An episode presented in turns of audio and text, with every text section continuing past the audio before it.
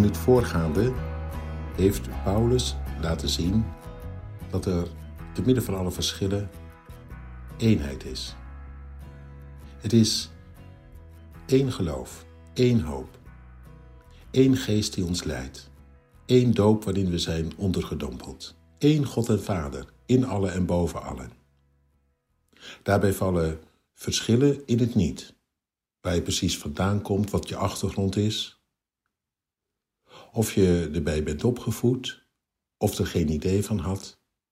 Met dat je gezet wordt in het licht, vallen al die verschillen weg. Toch is Paulus zich ook bewust dat er dan tegelijk weer verschillen komen in dat ene gezin. Dat je samen vormt, het gezin van God. Net als in een gewoon gezin overigens. Ook daar zijn toch verschillen, is toch niet iedereen gelijk? Paulus gaat daarop door. Hij schrijft erover in hoofdstuk 4 vanaf vers 7. Aan ieder van ons is genade geschonken naar de maat waarmee Christus geeft. Daarom staat er, toen hij opsteeg naar omhoog, voerde hij gevangenen mee en schonk hij gaven aan de mensen. Hij steeg op.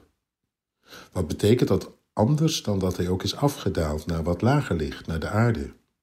Hij die is afgedaald is dezelfde als hij die opsteeg tot boven de hemelsferen om alles met zijn aanwezigheid te vullen.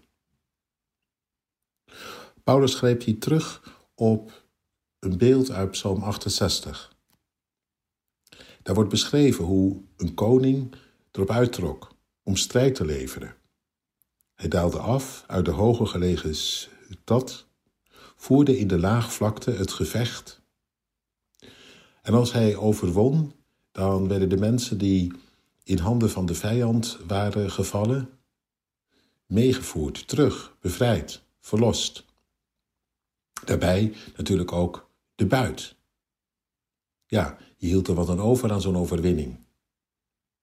En die werd uitgedeeld, links en rechts. Ieder die weer wat anders kreeg. Maar intussen was iedereen rijk bedeeld. Dat beeld dat gebruikt Paulus hier voor Jezus, die afdaalde, die strijd leverde en ons zodoende bevrijden van de bezetter, de macht van de boze. Gaven deelt hij uit. Ja, de buit. Het is ongelooflijk hoeveel hij eraan overhield en waar wij in mogen delen om te beginnen genade en vrede. Dat sowieso. Dat voor iedereen maar daarbij ook zijn geest, die op allerlei verschillende manieren ons van het nodige voorziet. En dat is niet altijd bij iedereen gelijk. Op een bepaalde manier kan het aansluiten bij onze natuurlijke talenten, dat wat de geest ons geeft. In ieder geval, ons wordt gegeven naar de maat van Christus. Hij is het die erachter zit en die weet wat hij doet. Door zijn geest wil hij in ons zijn en ons voorzien van dingen die we daarvoor niet hadden. Wat extra geduld, weet je wel? Liefde die omziet zoals je eerder niet omzag. Of ook wijsheid, inzicht, wat je eerder niet had. En soms zelfs iets van profetie of van genezing. Tongentaal, ook dat kan je worden gegeven. Taal van de hemel, van de toekomst. In je omgang met God of op een ander moment als het echt nodig is. Nou ja, gaven te over. Je loopt zomaar gevaar om naar elkaar te kijken. Wat heb jij, wat heb jij? Doe dat niet, zegt Paulus. Je krijgt van hem. En hij weet wat hij doet. En weet je, hoe verschillend het ook mag zijn, één ding is zeker. Voor hem is het allemaal even belangrijk. Het ene en het andere.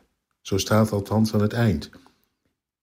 Hij wil alles met zijn aanwezigheid vullen. Je zou kunnen zeggen, elke gave is van een gelijk soortelijk gewicht. Het is geschenk van hem. En daarom oké. Nou, dat lijkt me iets om mee te nemen.